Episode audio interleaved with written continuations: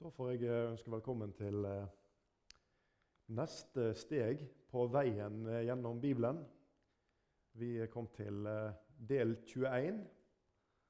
Og Da lurer du kanskje på hvor langt vi er kommet gjennom Bibelen. og Vi har kommet til 21 deler, og jeg må få lov til å si til deg at vi er fremdeles i fjerde Mosebok, men vi er nærmer oss slutten. Det er en lang vei veien gjennom Bibelen. Selv om ikke vi stopper for alle ting som vi finner underveis, og som vi gjerne skulle ha stoppa med. Men eh, vi skal ta med oss eh, disse ordene i dag, som skal handle litt om, om lydighet. Vi ber først. Takk, Jesus, for at du er midt iblant oss. Takk for at du, Herre, du vil velsigne ditt eget ord, Herre. Og vi ber om at du gir oss eh, nåde til å lytte, Herre. Vi ber om at du gjør oss stille for deg, og vi ber om at du ved din ånd hjelper oss til å forstå de ordene som du taler til oss. I Jesu navn. Amen. Vi skal lese litt om eh, opprør og ulydighet. Og Vi er i 4. Mosebok kapittel 20, og vi skal lese versene 1-13. I den første måneden kom Israels barn, hele menigheten, til ørkenen sin. Og folket ble noen tid i Kades. Der døde Miriam, og der ble hun begravet. Men folket hadde ikke vann. Da samlet de seg mot Moses og Aron. Og folket trettet med Moses og sa:" Og om vi var omkommet den gang brødrene våre omkom for Herrens åsyn. Hvorfor har dere ført Herrens menighet inn i denne ørkenen, så vi må dø her, både vi og budskapen vår? Hvorfor har dere ført oss opp fra Egypt, så vi er kommet til dette onde stedet, hvor det verken vokser korn eller fiken, eller vintrær eller granatepler, og hvor det ikke finnes vann å drikke. Men Moses og Aron gikk bort fra folket, til inngangen til sammenkomstens telt, og de falt på sitt ansikt. Da åpenbarte Herrens herlighet seg for dem. Og Herren talte til Moses og sa.: Ta staven og kall menigheten sammen, du og Aron, din bror. Og dere skal tale til klippen midt for deres øyne, så skal den gi vann fra seg. Slik skal du la vannet strømme ut fra klippen for dem og gi både folket og buskapen å drikke. Da tok Moses staven som lå foran Herrens åsyn, slik som Herren hadde befalt ham. Og Moses og Aron kalte menigheten sammen foran klippen, og han sa til dem.: Nå, dere opprørere, mon vi kan la vann strømme fram for dere av denne klippen. Så løftet Moses hånden og slo to ganger på klippen med staven. Da strømmet det mye vann ut, så både folket og buskapen fikk drikke. Men Herren sa til Moses og Aron.: Fordi dere ikke trodde på meg og ikke helliget meg for Israels barns øyne, derfor skal dere ikke føre dette folk inn i det landet jeg har gitt dem. Dette var Meribas vann, hvor Israels barn trettet med Herren, og han helliget seg på dem. Denne fortellingen den inneholder mange ting vi kan lære fra. Og Vi ser på nytt et tilfelle hvor eh, Israels barn de reiser seg til opprør mot Moses og Aron. Og Også denne gangen så er det sinne og mismot. Og Vi leste selve anklagen i det femte verset. Hvorfor har dere ført oss opp ifra Egypt, så vi er kommet til dette onde stedet hvor det verken vokser korn eller fiken eller vintrær eller granatepler, og hvor det ikke finnes vann å drikke. Det er et folk som konfronterer Moses og Aron, og som laster dem for dette at de har ført dem opp fra Egypt. Og historien den gjentar seg. Det er på nytt Moses og Aron som blir ansvarliggjort for situasjonen som folket kjenner på i ørkenen. Og Det har vært flere slike hendelser på denne vandringen, og vi har vært igjennom noe av de her eh, i disse stegene vi har gått på denne veien gjennom Bibelen. Men vi skal stoppe for noen av de tidligere hendelsene, sånn at vi kan sammenligne litt hva som skjer. Ved Rødehavet, du husker utgangen fra Egypt. De ti plager som Gud sendte over egypterne og som han ikke sendte over Gosen, det området som Israels barn bodde.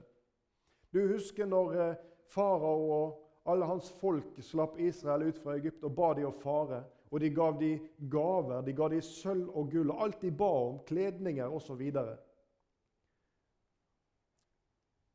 så er de altså kommet frem til Rødehavet, og så ser de at faraos hær kommer innpå der bak. I 2. Mosebok kapittel 14 vers 11 så leser vi hva folket sier i denne situasjonen.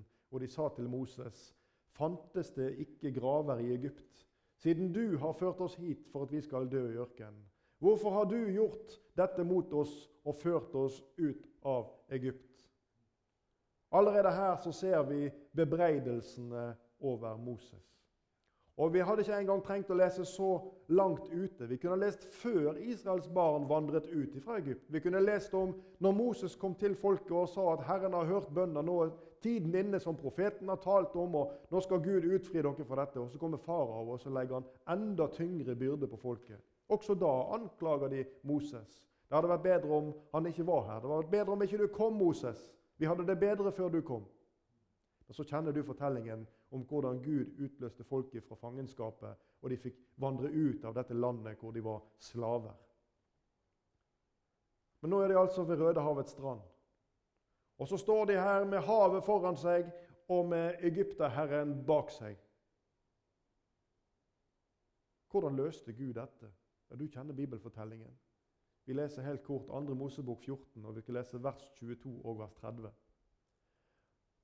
Og Israels barn gikk midt gjennom havet på tørr grunn. Vannet sto som en mur på deres høyre og på deres venstre side. Slik frelste Herren denne dagen Israel av egypternes hånd. Og Israel så egypterne ligge døde på havstranden. Dette gjorde Gud. Gud gjorde vei der det ingen vei var, og Gud gjør fremdeles vei der det ingen vei er. Vi leser i Bibelen om at han gjør veier i ødemarken. Det gjorde Gud da, og det må vi lære av, og det gjør Gud fremdeles. Dette hadde Israel sett, dette hadde Israel opplevd. Men vi skal ikke gå veldig langt videre inn i ørkenen på den andre siden av Rødehavet. Etter at de har gått tørrskodd over, etter at de har sett fienden ligge død på havstranden. Gud gjorde det umulige for dem. Det neste tidspunktet for opprør det er altså den 15. dagen i den andre måneden etter at de var dratt ut av landet Egypt. Det er ikke lenge. Andre Mosebok 16 og vers 3-4. På nytt så møter vi anklagen. Nå har dere ført oss ut i ørkenen for at hele folkemengden skal dø av sult. Hvordan løste Gud det denne gangen? Ja, du husker beskrivelsen. Vi kan lese 2. Mosebok 16, vers 4. Der ser du denne setningen. Da sa Herren til Moses.: Se, jeg vil la brød regne ned fra himmelen til dere. Jeg har tenkt noen ganger på Moses sitt trosliv. Når Herren sa til Moses, og det leste vi her, da sa Herren til Moses. Og Noen ganger så kom det med et påbud. Moses, dette skal du si til folket. Ta nå du, Moses, og gå fram og si til denne skaren her på kanskje sånn to millioner mennesker at folkens, jeg vet dere er sulten. Slapp av. I kveld så skal det regne brød ned fra himmelen. Tenk på det som leder for dette, å stige fram og ta disse ordene. Men det var Gud som sa det. Og Moses, han kjente Herren fra før. Moses hadde erfaringene i sitt hjerte med hva Gud hadde gjort. Moses hadde møtt den brennende tornebusken. Moses hadde hatt skoene av seg, for det stedet han sto på, var hellig. Han hadde tatt imot oppdraget fra den levende Gud, som til tross for Moses' motvilje også sendte han med han, hans bror Aron for at han kunne være ordfører, siden Moses han gav seg ut for å stotre så fælt. Han trengte noen til å føre ordet for seg. Og så har Moses vært der i Egypten.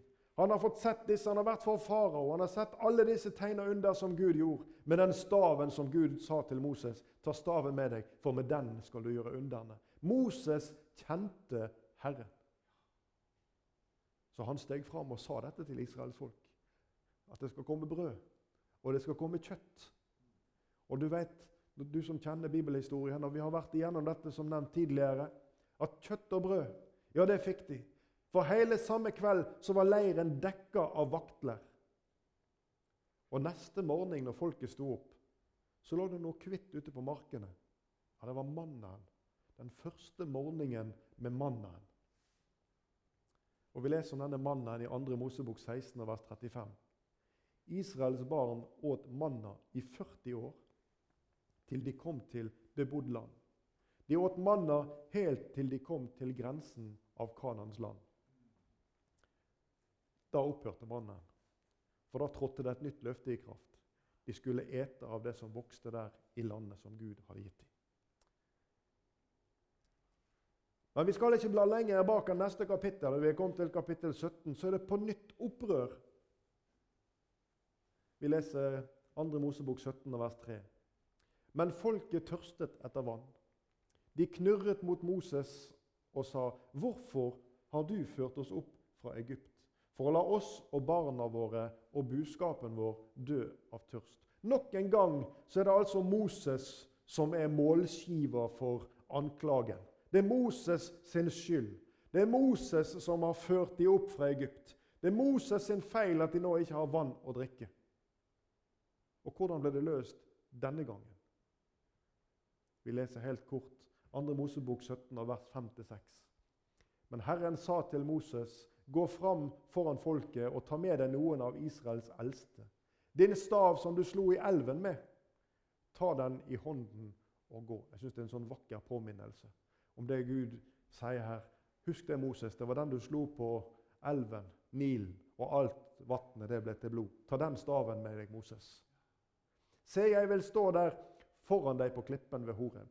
Du skal slå på klippen, og det skal flyte vann ut av den, så folket får drikke. Og Moses gjorde så mens Israels eldste så på. Vi er tilbake igjen i kapittel 20 til den teksten som vi leste, disse 13 versene fra kapittel 20 vi leste. Og Det stedet vi befinner oss på, i, eller Israel befinner seg på her, det er et sted som heter Kades Barnea. Og Hvis du husker fra tidligere steg på denne veien gjennom Bibelen, så er det det samme stedet, det samme området, hvor folketellingen ble gjort over den gamle slekt. 40 år tidligere så var Israel her på dette stedet. I 40 år så har de nå vandra rundt omkring i ørkenen, og så er de kommet tilbake til dette området. Og Du husker kanskje hva som skjedde for 40 år siden, når Gud felte denne dommen over folket. At ingen av denne slekt skal få komme inn, altså av denne generasjonen skal få komme inn i det lovede land. Og Når Gud sa det, så husker du kanskje dette med folketellingen. Og det gjelder alle de som var fra 20-årsalderen og oppover. Ingen av disse skulle få være med. Derfor så vandret de hvileløst rundt omkring i ørkenen i disse 40 årene til alle disse var døde. Alle unntatt Josva og Caleb, som skulle få være med inn i det nye landet. Og Nå er de tilbake igjen her på dette stedet. Og Nå er det en ny slekt. Og Det kan du lese om eh, på egen hånd i de kommende kapitlene her i eh, Fjerde Mosebok. Om den nye folketellingen om det nye, store folket, de neste generasjonene som kom til, og som ikke har medskyld i det som skjedde der når speiderne utspeidet landet og folket nekta å gå inn. De var redde og ville ikke stole på Herren. Så var de ulydige og prøvde i egen kraft. Du husker fortellingen. Men nå er de her i Kades igjen. Det er altså en ny slekt etter alle disse 40 årene her. Folketellingen som jeg nevnte, den kan du lese om i kapittel 26 der i 4. Mosebok. Anklagen leste vi i ordene når vi begynte her i formiddag. 4. Mosebok 20, vers 5. Hvorfor har dere ført oss opp fra Egypt, så vi er kommet til dette onde stedet, hvor det verken vokser korn eller fiken eller vintrær eller granatepler, og hvor det ikke finnes vann å drikke?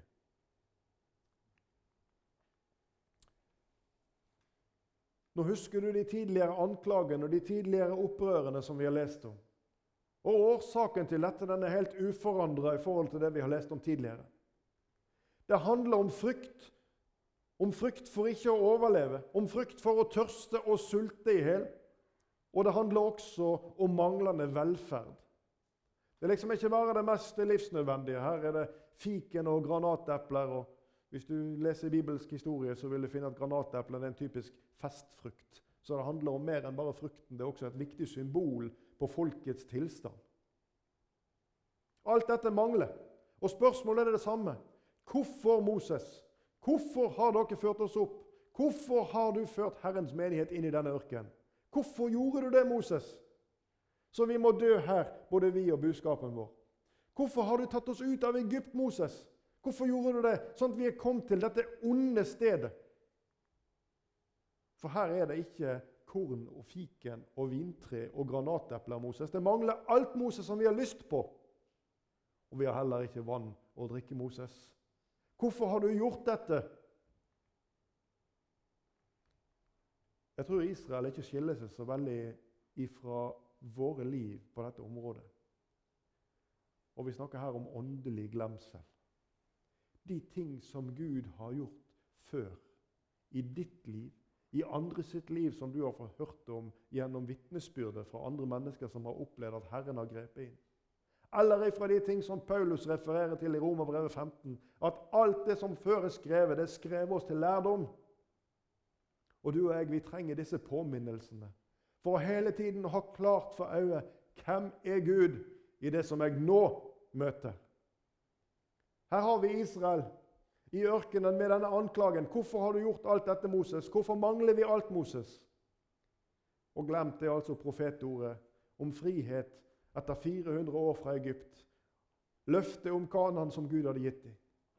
Det synes som at slekten Israel, selv om den andre generasjoner, har glemt de ti plager som foregikk der i Egypt, som Gud sendte over egypterne. Det synes som de har glemt hva som skjedde når dødsengel gikk forbi, og de som hadde blodet strøket på dørkarmen sin. Disse hjemmene der slapp den førstefødte å dø. De ble spart.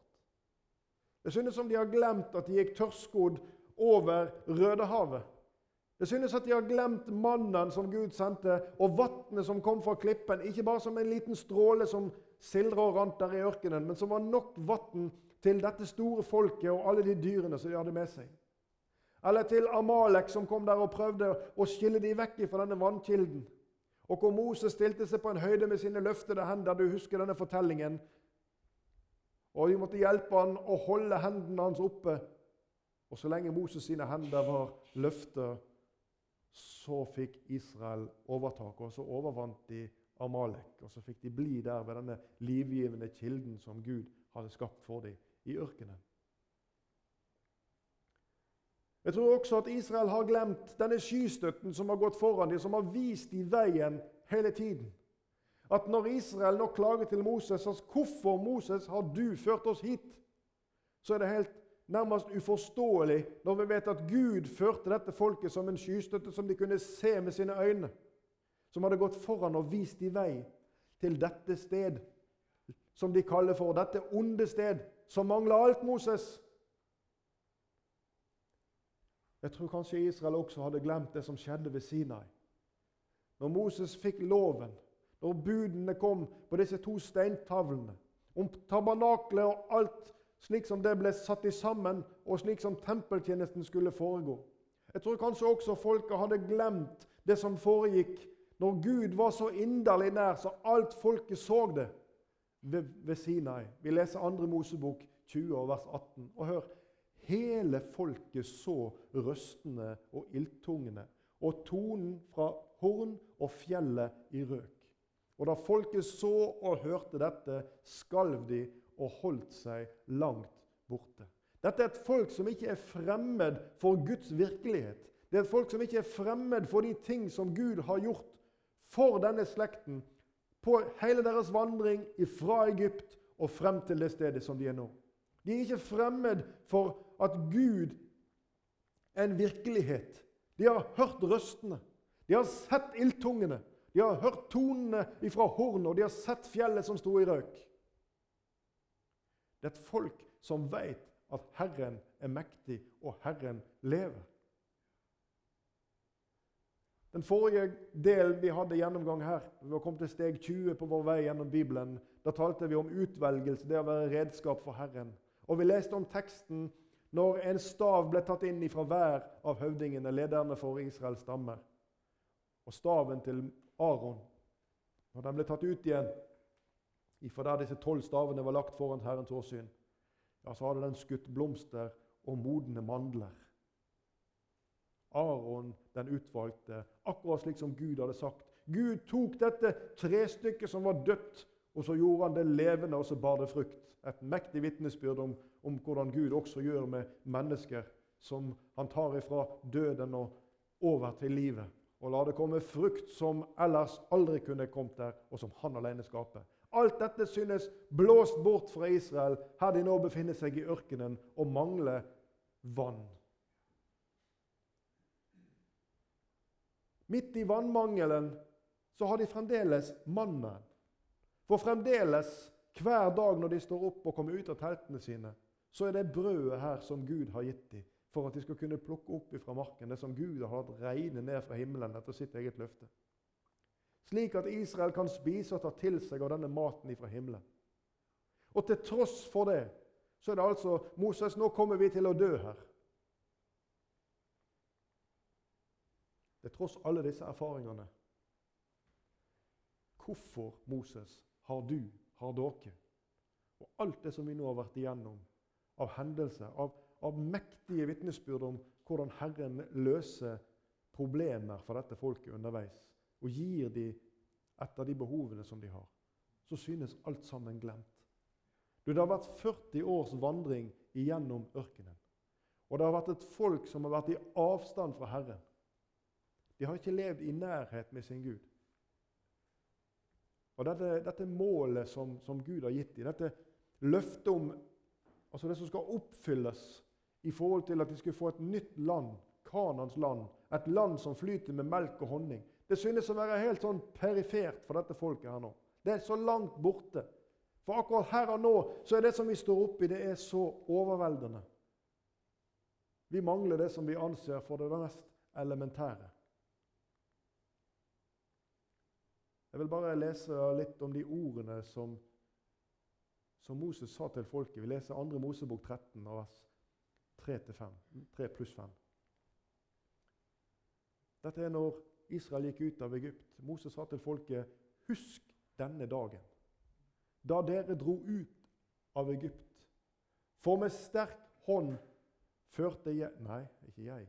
Førte Herren dere ut derfra. Dette ordet synes å være borte ifra hukommelsen på denne dagen.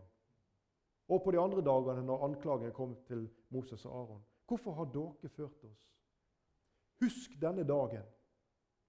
Det var en merkedag for Israel. La det være et vitnesbyrd for deres hjertefolk at denne dagen så førte jeg, Gud, Herren, dere ut av Egypt. Og det femte verset. Når så Herren fører deg inn i kananeernes og hetittenes og amorittenes og hevittenes og jebusittenes land, som han med ed lovde dine fedre å gi deg, et land som flyter med melk og honning. Dette er Guds løfte som hviler over dette folket. Dette er det som Gud har sagt til dem. Dette skal skje. Så hvordan løser Gud vannmangel eh, denne gangen? Hvordan, hvordan blir det løst? For det er på nytt i dagens tekst vannmangel. Vi leste om det i disse versene. Vi leser vers 7-9 igjen fra 4. Mosebok 20. Og Herren talte til Moses og sa:" Ta staven og kall menigheten sammen, du og Aron din bror. Og dere skal tale til klippen midt for deres øyne. Så skal den gi vann fra seg, slik skal du la vannet strømme ut fra klippen for dem, og gi både folket og buskapen å drikke. Da tok Moses staven, som lå foran Herrens åsyn, slik som Herren hadde befalt ham. Og hva er det så Moses og Aron gjør her videre? Vi leser vers 10-11. Moses og Aron kalte menigheten sammen foran klippen. Og han sa til dem, Nå dere opprørere, mon vi kan la vann strømme fram for dere av denne klippen. Så løftet Moses hånden og slo to ganger på klippen med staven. Da strømmet det mye vann ut, så folket og buskapen fikk drikke. Vi kunne hatt bibeltime om disse to versene og det som foregår her. Det skal vi ikke ha i det videre nå. Men jeg har lyst til å understreke noen viktige ting. For Moses og Aron de taler virkelig i tankeløshet og i gjenstridighet når de gjør denne gjerning. For i sin storhet og i sin kjærlighet så har Gud sørga for dette folket. Mannen er bare et levende vitnesbyrd fra dag til dag om den kjærlighet og om den omsorg som Gud bærer for dette folket. Mens Moses og Aron de møter disse opprørerne slik som de opplever det i sitt eget sinn, nettopp som opprørske. Og de navngir de som dette. Nå dere opprørere. Slik at du og jeg aldri blitt møtt av den himmelske Gud. Om vi enn fortjente det, så har han aldri møtt deg og meg på en slik måte. Vi leser at for så har Gud elsket verden, at han gav sin sønn den enbårde, for at hver den som tror på ham, ikke skal fortapes, men har evig liv. Og dette gjorde Gud. Og Bibelen lærer oss at det er sånn Guds kjærlighet vises, ved at han lot Kristus dø for oss mens vi enda var syndere. Du skjønner, Gud møter oss ikke på denne måten. Nå, din opprører, se hva du har stelt i stand. Gud møter mennesket med kjærlighet, med ufortjent kjærlighet, med ubetinga nåde. Mon vi kan la vann strømme fram, sier Moses. Mon vi kan la. Og så gjør Moses ikke det som Gud hadde sagt. Moses han, Istedenfor å tale til klippen, så slår han to ganger på klippen med staven. Salme 106 vers 33, den omhandler, denne salmen kan du lese, den omhandler litt av det som skjedde her. Og Da leser du om Moses og Aron at de var gjenstridige mot hans ånd, og de talte tankeløst med sine lepper. Det var i strid med Gud. Guds ord. Eh, 2. Mosebok 2012. Men Herren sa til Moses.: Fordi dere ikke trodde på meg og ikke helliget meg for Israels barns øyne, derfor skal dere ikke føre dette folket inn i det landet jeg har gitt dem. Og Nå skal ikke vi lese hele teksten rundt det, men Aron han dør på dette fjellet Hor. Og sønnen hans Elasar han overtar prestetjenesten i Israel. Dette er før de går over Jordan og før de kommer inn i det lovede landet. Moses han får se landet, men han dør senere oppe på et fjell, på Abarinfjellet. Det kan du lese om i kapittel 27. Ei heller Moses fikk komme inn i landet. Han fikk se det, men han fikk ikke komme inn i det. Josva han blir innsatt i Moses' sin tjeneste. Det kan du også lese om i kapittel 27. Og han er den som fører folket inn i Kalan. En av disse to, Josva og Kaleb, som var de eneste som Gud talte om, som skulle komme inn i landet. Jesus han samtaler med sine disipler, og så sier Jesus i Johannes 14, 21, Den som har mine bud og holder fast på dem, han er den som elsker meg. Og den som elsker meg, skal bli elsket av min far, og jeg skal elske ham og åpenbare meg for ham. Og Da vil jeg spørre deg, hvordan ønsker du at ditt kristenliv skal være? Hvordan ønsker du at ditt liv sånn fra dag til dag skal være sammen med Jesus? Hvis jeg hadde en sånn åpen spørsmålsrunde nå spurt om det var noen som ønska at hver dag med Jesus skulle være herlig, så hadde alle rekt opp hånda. Hvis vi eh, hadde spurt om vi ønska at Jesus skulle tale til oss hver gang vi åpner Bibelen, så hadde alle rakt opp hånda. Og Denne lista er lang over ting som vi ønsker oss i vårt kristne liv. er det så nøye med Guds bud, da? Alle disse detaljene som vi leser i denne Bibelen, som omhandler de tingene som møter oss i vår hverdag. Er det så nøye, da? Det er jo så mange ting som har endret seg over tid. Må jeg virkelig forholde meg til sånn og slik? Vi har lest noe om Guds nøyaktighet i teksten vi har hatt imellom oss her i dag. Og betydningen av Guds nøyaktighet. Gud deler ikke sin ære med noen leser vi i Bibelen. Og det Moses og Aron gjorde når de steg fram, og nærmest i egen kraft ville demonstrere at vi kan sørge for at dere får vann her. Dere skal slippe å anklage oss. Se her hva vi får til. Gud deler ikke sin ære med noen. Gud ønsker at hans navn skal bli herliggjort iblant menneskene. Og det skjer ved at du og jeg tjener Han i lydighet hver av oss med de gaver som han har gitt oss. Vi trenger ikke å prestere noen ting. Jesus han gir alt sammen. Han ber bare om villige hjerter. Slik som han ba Moses denne gangen om å gå frem og tale til klippet. Er det nøye med Guds bud? Ja, det er nøye med Guds bud. Salme 119 av vers 4. Du har gitt dine befalinger for at en skal holde dem nøye. Derfor er det en nøye sammenheng mellom dette og den velsignelsen som du og jeg kan få oppleve over våre liv. For så skjønner, Vi kan ikke leve i konflikt med Guds vilje, med Guds ord, og samtidig forvente at himmelens velsignelse skal strømme nedover våre hjerter, og vi skal få kjenne at vi er rike og salige og, og har kraft. Det fungerer ikke sånn. Det skjer en renselse her inne i møte med Ordet.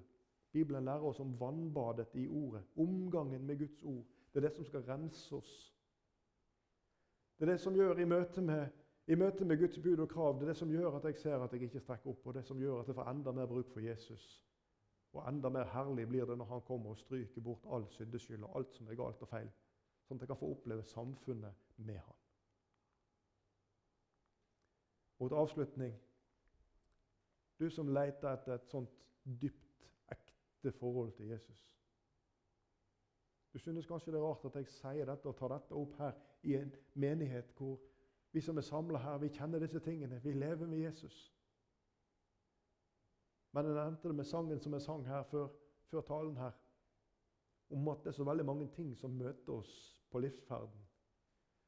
Som affekterer forholdet som vi skulle ha med Jesus. Som legger kjelker i veien for oss. Som frister oss, som gjør at vi handler og tenker og, og sier ting som gjør at vi kommer på avstand fra Jesus. Og så trenger vi et nytt møte med han.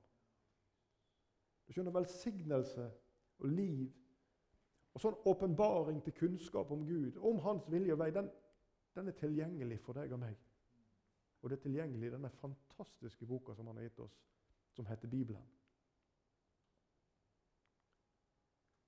Mot slutten skal vi lese her fra ordspråkene, 20, eh, ordspråkene 4 og vers 20 til 22. Og Det er på en måte kjernen i dette vi har for oss her i dag. Min sønn, akt på mine ord og bøy ditt øre til min tale. La dem ikke vike fra dine øyne. Bevar dem dypt i ditt hjerte. For de er liv for hver den som finner dem, og legedom for hele hans legeme. Her har du hele pakken. Her har du hele førstehjelpsskrinet. Her har du hele matforrådet. Her har du all drikke som du har bruk for. Alt som trenges for at du skal få nå fram til Guds evige himmel. Og ikke bare det. Alt som trenges for at du skal få oppleve salighet og glede i ditt hjerte, også på vandringen frem. Og for at Gud alene kan få skape frukt i ditt liv, få skape overskudd i ditt åndelige liv, så du også kan få være med og vitne til oppbyggelse, ja, til frelse for de som ennå står utenfor samfunnet med Jesus. Alt dette finnes. Akt på mine ord. Bøy øret til min tale og la dem ikke vike fra dine øyne. Bevar dem dypt i ditt hjerte. Herre Jesus, vi ber om din visdom over våre liv. Vi ber Herre om din hjelp til å prioritere og velge rett, Herre. Her er så mange røster. Her er så mange læresetninger, Herre. Hjelp oss å grunne på ditt ord og på ditt ord alene, Herre. Du har sagt at du vil lære oss. Du har sendt Den hellige ånd, Jesus, som skal veilede oss til hele sannheten, står det å lese. Hjelp oss derfor at vi kan leve slik som vi nå leste i disse versene, Herre. At dine ord ikke viker fra våre øyne.